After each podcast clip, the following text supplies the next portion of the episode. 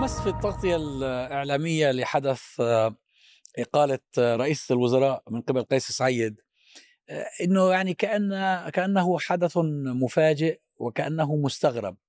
ما هو المفاجئ وما هو المستغرب فيما يفعله قيس سعيد منذ أن انقلب على الديمقراطية في تونس؟ يعني لا تعيينها كان من الأمور الم- المعتادة ولا اقالتها من الأمور المعتادة ولا أي فعل يقوم به قيس سعيد يعتبر من الأمور أنا الحقيقة المعتادة. نسيت أنه هي أساسا أساسا موجودة. يعني لما جاء خبر الاقاله أنا انتبهت قلت والله فعلا كان أكو رئيس إيه، وزراء. آه، كأنها مش موجودة ما هي. موجودة والله ما فكرت فيها. مسكينة هي يعني هو الحقيقة ما في شيء شنو المستغرب مثل ما ذكرت يعني دكتور عزامه يعني هذا في نهاية المطاف حكم فردي مطلق. يدير في أوضاع البلد كأنها مزرعه خاصه الرجل اللي افتك كل السلطات ونصب نفسه حاكم مطلق. يعني تذرع في البداية بالفصل 80 من الدستور وكذا وقال أنتم لا تعرفون الدستور ولا تعرفون القوانين وصار هو المؤول رقم واحد. وبعدين مزق الدستور اللي كان يتذرع به باش يعني يعمل انقلابه سوى الانقلاب وخلاص يعني يتخلص من الدستور. وعمل انتخابات وخارطة الطريق نتاعه وعمل البرلمان بنسبة 10 11% إذا صدقنا الأرقام الرسمية والآن يعني هي مجرد موظفة يعني رئيس الحكومة مجازا تسمى رئيسه حكومة هي ما تجيش حتى وزير أول في حقيقة الأمر.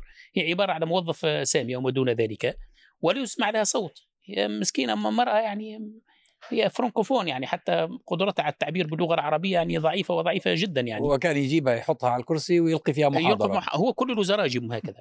هو الزعيم الملهم يعني يضع الوزراء أمامه ويخطب هو هو يبث ولا يت... معناها ولا يتلقى. اظنه أشبه الناس بالقذافي تقريبا. أكثر من القذافي. القذافي على الأقل القذافي آه، عنده إدراك دارس التاريخ الليبي. والقذافي يعني اكتسب خبرة سياسية والقذافي جاء من المؤسسة العسكرية بعد 42 سنة اي طبعا خلاص ننتظر قيس إيه. سعيد 42 إيه، سنة لا ما يكونش 42 سنة إن شاء الله هو بلغ بلغ سن إيه. الرشد بعد بس 42 ال- سنة. الرجل هذا كما تقول ما جاش حتى من الأجهزة الصلبة للدولة ما هوش رجل عسكري ما هوش ابن بيروقراطية الدولة جاءت به الصدفة التاريخية وجابت به صندوق الاقتراع توسموا فيه توانسه خير شافوا أن ربما هم قلقوا لأن التوانسه خلال التجربة بتاع عشر سنوات تقريبا عاشوا كل أنواع التجارب. في البداية عاشوا مع القوى الثورية جابوا حركة النهضة والأحزاب ال- الثورية. بعد اشتغل عليهم الإعلام قالوا لهم يا عمي هذوما القوى الجديدة وما يعرفوا الدولة وهذوما هوات وفما معناها الناس أصحاب الخبرة رجعوا جابوا الباجي قائد السبسي الله يرحمه. على أساس أن رجل معناها رافق بورقيبة وعاش مع بورقيبة ومخضرم وعنده تجربة.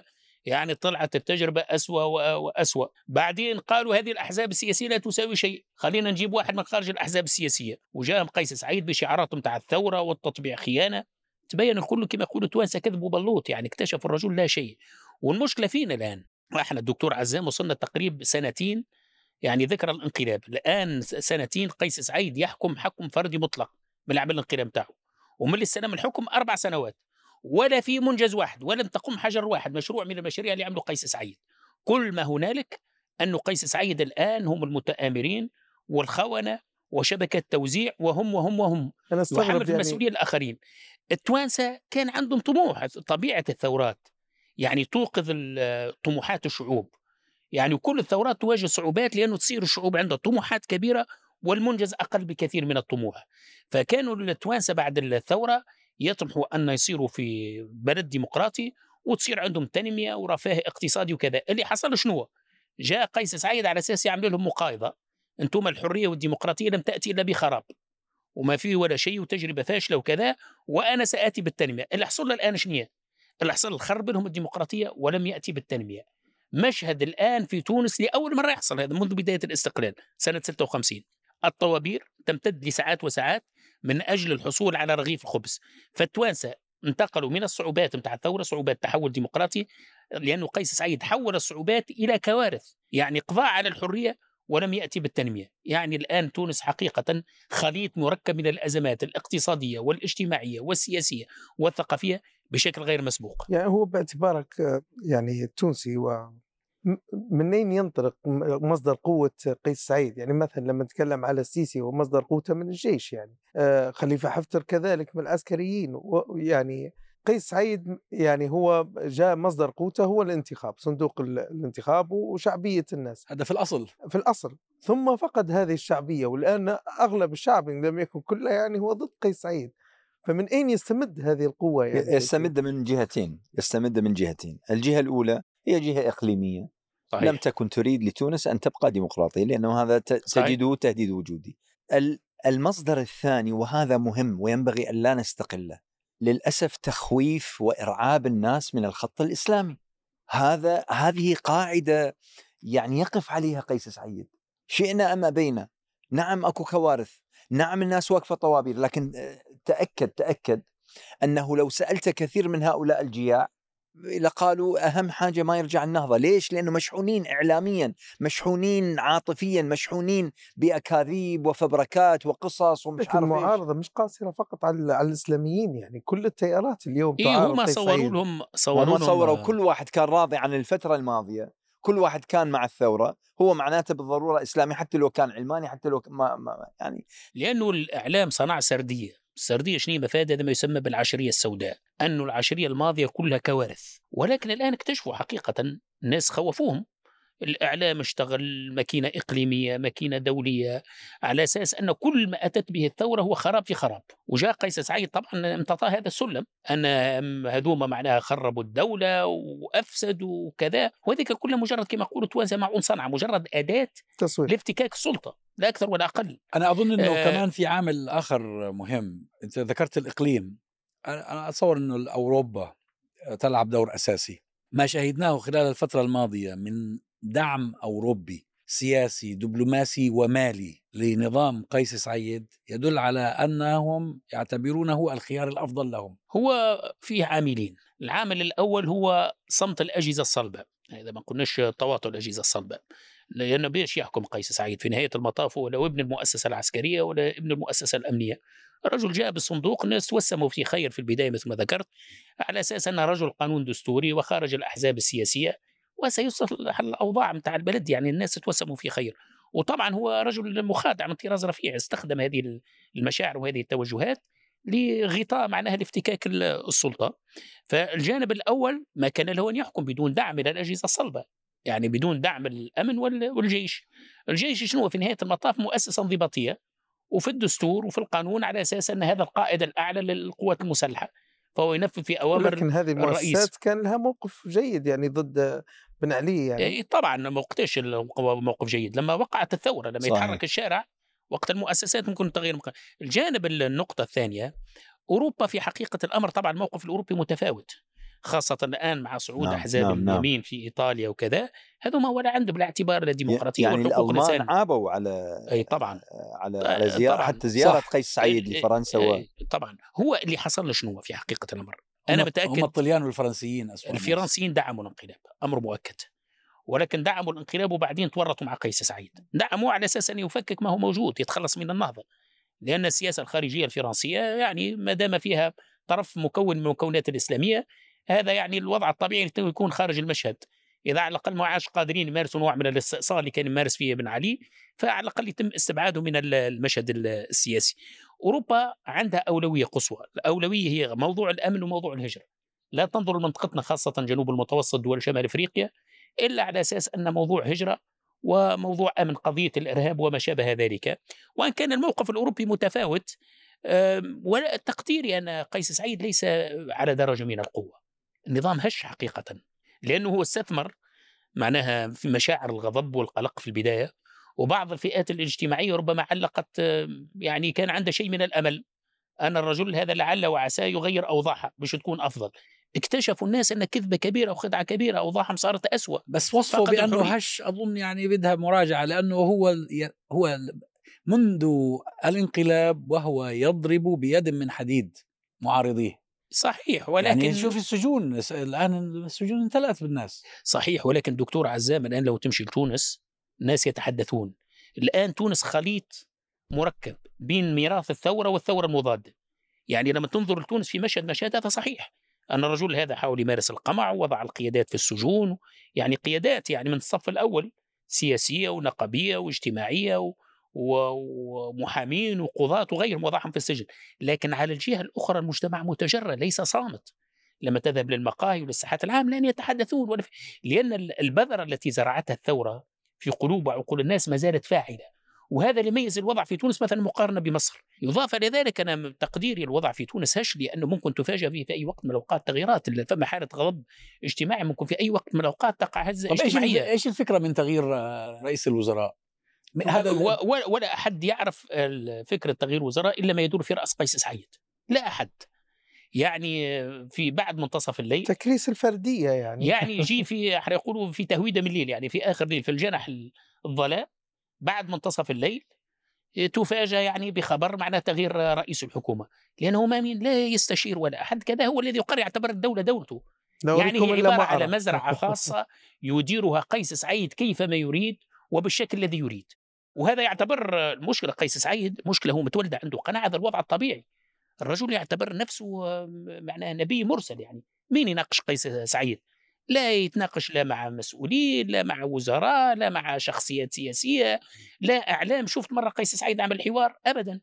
ولا مرة عمل مقابلة تلفزية ولا حوار يعتبر مين هذا؟ من حاورهم يعني في نهاية المطاف. ويلقي خطابات فقط. يلقي خطابات مثل ما ذكرنا الرجل يبث يعطي التعليمات والوصايا يعني ولكن أنه هو باش يكون شخص يتحاور أو في أخذ وعطاء هذا أبدا. وبالتالي هو اتخذ هذا القرار والغريب في الأمر أن التسمية يعني ما تمت ما, ما تمش حتى اعتمادها رسميا في الرائد الرسمي يعني لم تصدر أصلا في الرائد الرسمي. لأنه يدير الدولة كان مزرعة خاصة الآن لا فيه لا سلطة قانون ولا أي شيء. يعني الدولة التونسية الآن تساوي قيس سعيد. لا أكثر ولا أقل. هو يعني أعتقد أن أكثر ما استفاد منه هو هو الصراع بين التيارات الوطنية. يعني لما نتكلم على تيار الثورة المضادة أنا يعني قيس سعيد ليس من تيار الثورة المضادة هو هو جاء على خلاف التيار الثورة المضادة أساسا.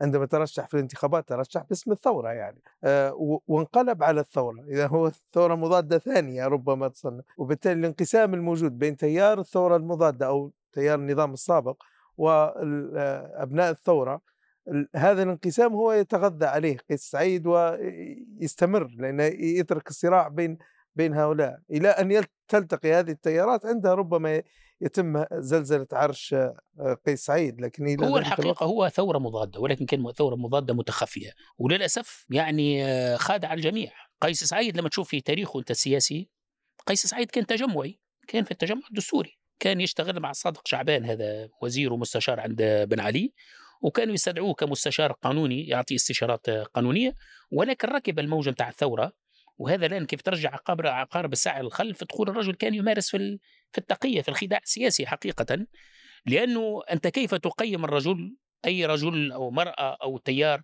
هو ثورة أو ثوره مضادة من خلال الوظيفة العملية ليس من خلال ما يقوله. بالأمر الواقع هو ثورة مضادة لأن مع من تحالف قيس سعيد؟ تحالف أول شيء مع القوى المضادة للثورة. هذا أمر مؤكد. تحالفاته بعد الانتخابات طبعا. هو الغريب في الأمر الناس انتخبوا قيس سعيد وضعهم في السجون وأصبحوا ضده. كل الأحزاب الثورية انتخبت قيس سعيد. هذوما أصبحوا اعداؤه والقوى اللي كانت ضده في حقيقة الأمر وقفت يعني مقابله في الانتخابات. معه. تحالف معه. وفي الإقليم مع مين تحالف. تحالف مع مصر وتحالف مع دول الخليج. فهو بالأمر الواقع تحول إلى ثورة مضادة. وأنا تقديري مش تحول هو من اصله ثورة مضادة ولكن كان يمارس في الخداع والتقية. يقدم في نفسه لأنه الثورة كان يعني كما تقول بضاعة مربحة. أنه جاب الشباب والأحزاب الثورية تحت عنوان أنه سيغير وباسم الثورة وكذا. ولكن واقع الحال هو هو ناقم على الثورة. قيس سعيد لما تحدث معاه حديث تجلس معاه يعني حديثه حديث ثورة مضادة.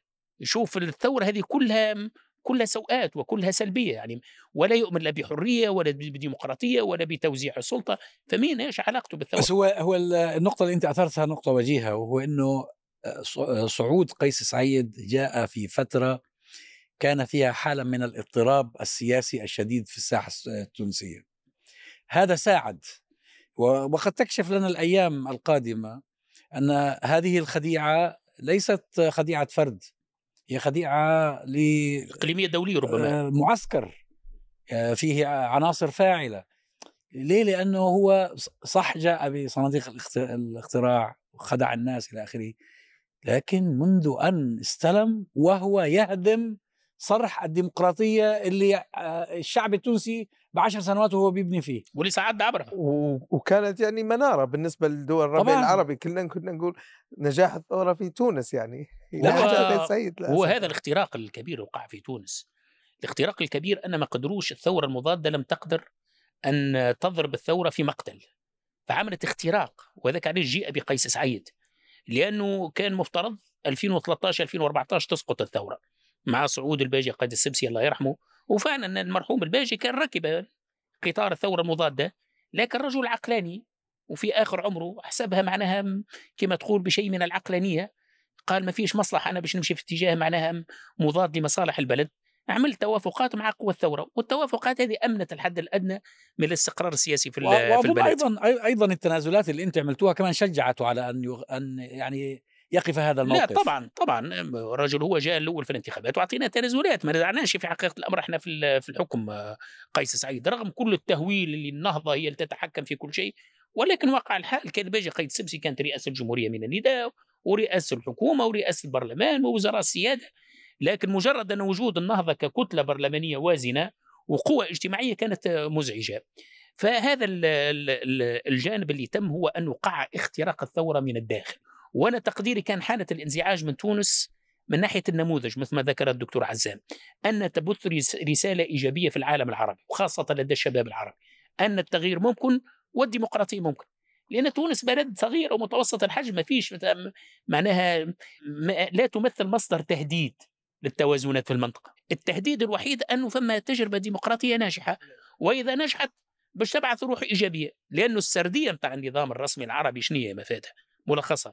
أن الثورات لا تأتي إلا بكوارث لما تقول لهم ديمقراطية يقول لك إحنا تحبون نعملوا ديمقراطية. شوفوا شنو وقع في ليبيا شنو شوفوا وقع في اليمن في شوفوا شنو وقع في العراق في سوريا. وبالتالي الديمقراطية لا تأتي بالخراب. أن تكون فيه تجربة ديمقراطية ناجحة فهذا يمثل مصدر تهديد. مسألة الانقسام يا دكتور عزام بين الأحزاب السياسية. يعني على كل حال إحنا اشتغلنا أن نخفف من منسوب التوتر ما أمكن. وهذه الخلفية والفلسفه الأساسية للتوافق السياسي. الناس اللي يلوموا النهضة ويلوموا الأستاذ راشد الغنوشي ربي يفرج عليه. يعني في نهاية المطاف اشتغل بمنهج تهدئة الصراعات ما أمكن لأن لا يمكن تدوير أوضاع البلد في حالة استقطاب سياسي أو إيديولوجي شديد. لكن الوقع شنو هو؟ قيس سعيد فجر كل نقاط التناقض. هو استثمر في التناقضات والصراعات. يعني البرلمان يعني حولوا مشهد إلى كاريكاتير متاع صراعات. كان يحرك عبير موسي وجماعات القوى الثورة المضادة ويقول لا لا تدخل لأنه الأمن الرئاسي هو البرلمان تحت سلطة الأمن الرئاسي ويقول الرمل الرئاسي لا تدخل حتى يبرز مشهد الفوضى.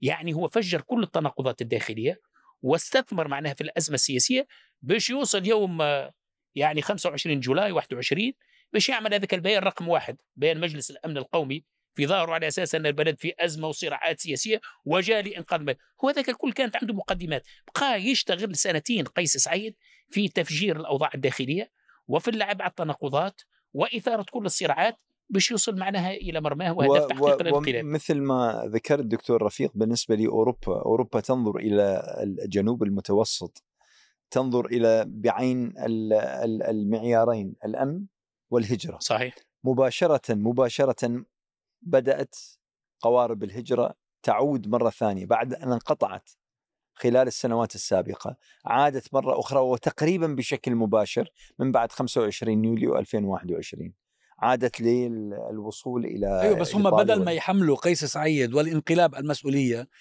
آه، يضخون المال في جيوبه هذا هو. آه، ويطلبون منه أن يوقف الهجرة، يعني هم بيكافئوه، يعني في نوع من المكافأة الأوروبية له. هذا كما يقولوا على الثورات، يقول لك المشكلة في الثورات، عمال يوصلنا للكوارث هي الثورات المضادة، لأنه لاصلاع الأزمات الآن في العالم العربي مش ثورات الربيع العربي؟ هي اللي صنعت المشكلة في ليبيا وإلا في تونس وإلا في اليمن. اللي صنع الأزمات في حقيقة الأمر الثورات المضادة التي لم تترك الثورات تبلغ مأمنها. نعم. لو تركت ليبيا الحالة وتنجو الموضوع ليبيا أنت سيادتك تحدث علينا تحدث بأكثر تفصيل. لو ترك المجتمع الليبي الحالة ما فيش تناقضات كبيرة في حقيقة الأمر. حتى الجانب القبلي يعني الهوية الليبية مستقرة.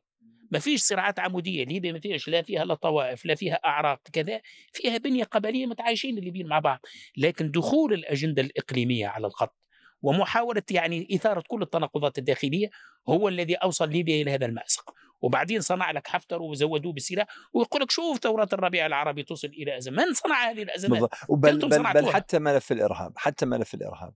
من عام 2011 إلى عام 2013 لم نسمع لا بيان لا للظواهري ولا للقاعدة ولا ل ومباشرة عند الانقلاب مباشرة ظهرت عندنا داعش صحيح صحيح. شيء بعد اسوء وأقمع من يعني. مما كان من نعم من هو القاعدة. ال- ال- اللي صار يعني آه، بعد بعد آه، سقوط القذافي استقرت ليبيا فترة سياسيا وتم تشكيل مجلس وطني انتقالي وأشرف على إجراء انتخابات آه، ديمقراطية يعني شارك فيها أغلب الشعب الليبي وانتهت إلى انتخابات مؤتمر وطني وكان آه، ينبغي أن المؤتمر الوطني آه، يشكل الهيئة التأسيسية لوضع مسودة الدستور وتضع مسودة الدستور ونبدأ في بناء الدولة يعني. إلى أن خرج علينا خليفة حفتر بانقلاب 14 فبراير 2014 نعم انقلاب عيد الحب نفس السيناريو نفس السيناريو. يتكرر آه، يتكرر فشل في. طرابلس انتقل إلى بنغازي وأعمل آه، وأعلن عملية الكرامة في 16 مايو 2014 وإلى ذلك التاريخ لا يوجد إرهاب. كل ما كان يوجد. هو في بنغازي بعض العمليات ال- ال- المجهولة المصدر ما فيش جهة تتبناها.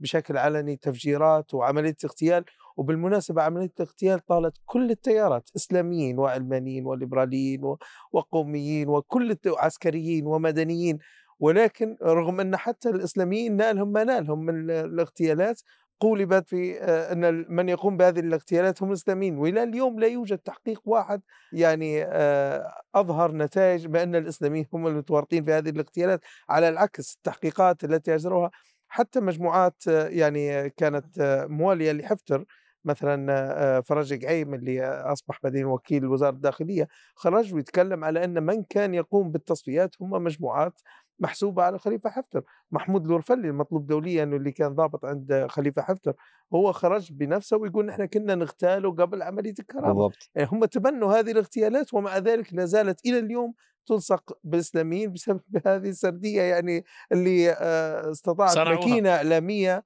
آه، مدعومة. وهذا اللي حصل في تونس كمان نفس الشيء الاغتيالات اللي صارت في تونس حمل وزرها لل- للإسلاميين. بس تعرف أنت ال- الكارثة الأكبر وهذا فعلا ما أخشاه إنه حيطلع جيل جديد يكفر بالديمقراطية يحمل الديمقراطية إثم أو وزر هذا الذي يجري مع إنها للأسف. براء من ذلك. للأسف. يعني الديمقراطية كانت باب ن- نجاة الثورة المضادة تزرع في عقول الجيل الجديد بأن من يريد الديمقراطية هذا ما يلقاه. فهذا بالإضافة إلى إنه حيطلع لك جيل يقول لا سلمية ولا ديمقراطية ولا انتخابات سيبك. لا يصلح مع هؤلاء القوم إلا حمل السلاح. لا في الحديد إلى ف- الحديد فبترجع التيارات. يعني شوف زي ما قلنا إحنا كيف إنه ازدهار مسار التحول الديمقراطي قضى على الفصائل المتطرفة مثل القاعدة و وأخواتها. القضاء على المسار الديمقراطي أنجب داعش اللي هي أشد وطأة من ال- من القاعدة. وما لعل لعل ما نراه في المستقبل يكون حتى يكون أسوأ أشد مما صح. مما شهدناه من للأسف قبل. للأسف. وفعلا هذه قضية ال- يعني أنه اليوم جيل وخاصة جيل الشباب الذي آه، يعني ربما حينما قامت آه، قامت ثورة ثورة الربيع العربي يعني كان في مقتبل عمر عمره 10 12 الآن أصبح في منتصف العشرينات وأصبح محبط. من حالة الفشل المجتمعي الفشل الاقتصادي آه، لا يستطيع أن يفتح بيت ما يستطيع يتزوج ما يستطيع يجد عمل. يجد اللي حواليه اللي يقومون على الأمر فاسدين مليونيرية. آه، يعني يبدو أن عندهم من الممتلكات ما لا يسعه عقله بينما هو محروم من من أبسط الحقوق. فلذلك يعني وهذه السردية العامة كما ذكرنا أنها ملصقة بث... هذه نتيجة الثورة هذه نتيجة الديمقراطية. ولذلك لما تيجي تتكلم اليوم الشباب العراقي يقول لك أي ديمقراطيه أنا ما أريد ديمقراطية وخر الديمقراطية عني لنشوف ما الذي حصل بالعراق من وراء الديمقراطية. آه، ال- ال- ال- وال- والقصص يعني اليوم حينما يتكلم هذا جزار دمشق لما يتكلم ويضرب للناس مثل يقول تريدون آه، نصير يعني كهؤلاء؟